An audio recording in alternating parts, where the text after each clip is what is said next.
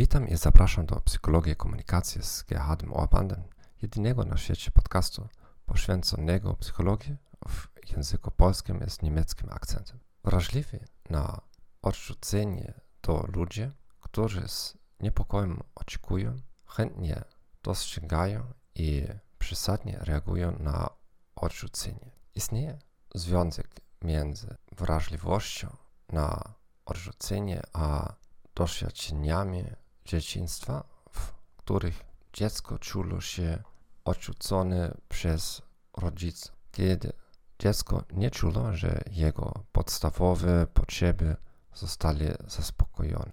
W jednym eksperymencie uczestnicy zostali zaproszeni do rozmowy z osobą przy przeciwnie. Powiedziano im, że będą mieli dwa segmenty 10 minut i 5 minut. Po pierwszym segmencie grupie eksperymentalnej eksperymentator powiedział uczestnikowi, że partner nie chce kontynuować. Bez podania powodu rzeczywistości partner był nieświadomy intencji eksperymentu.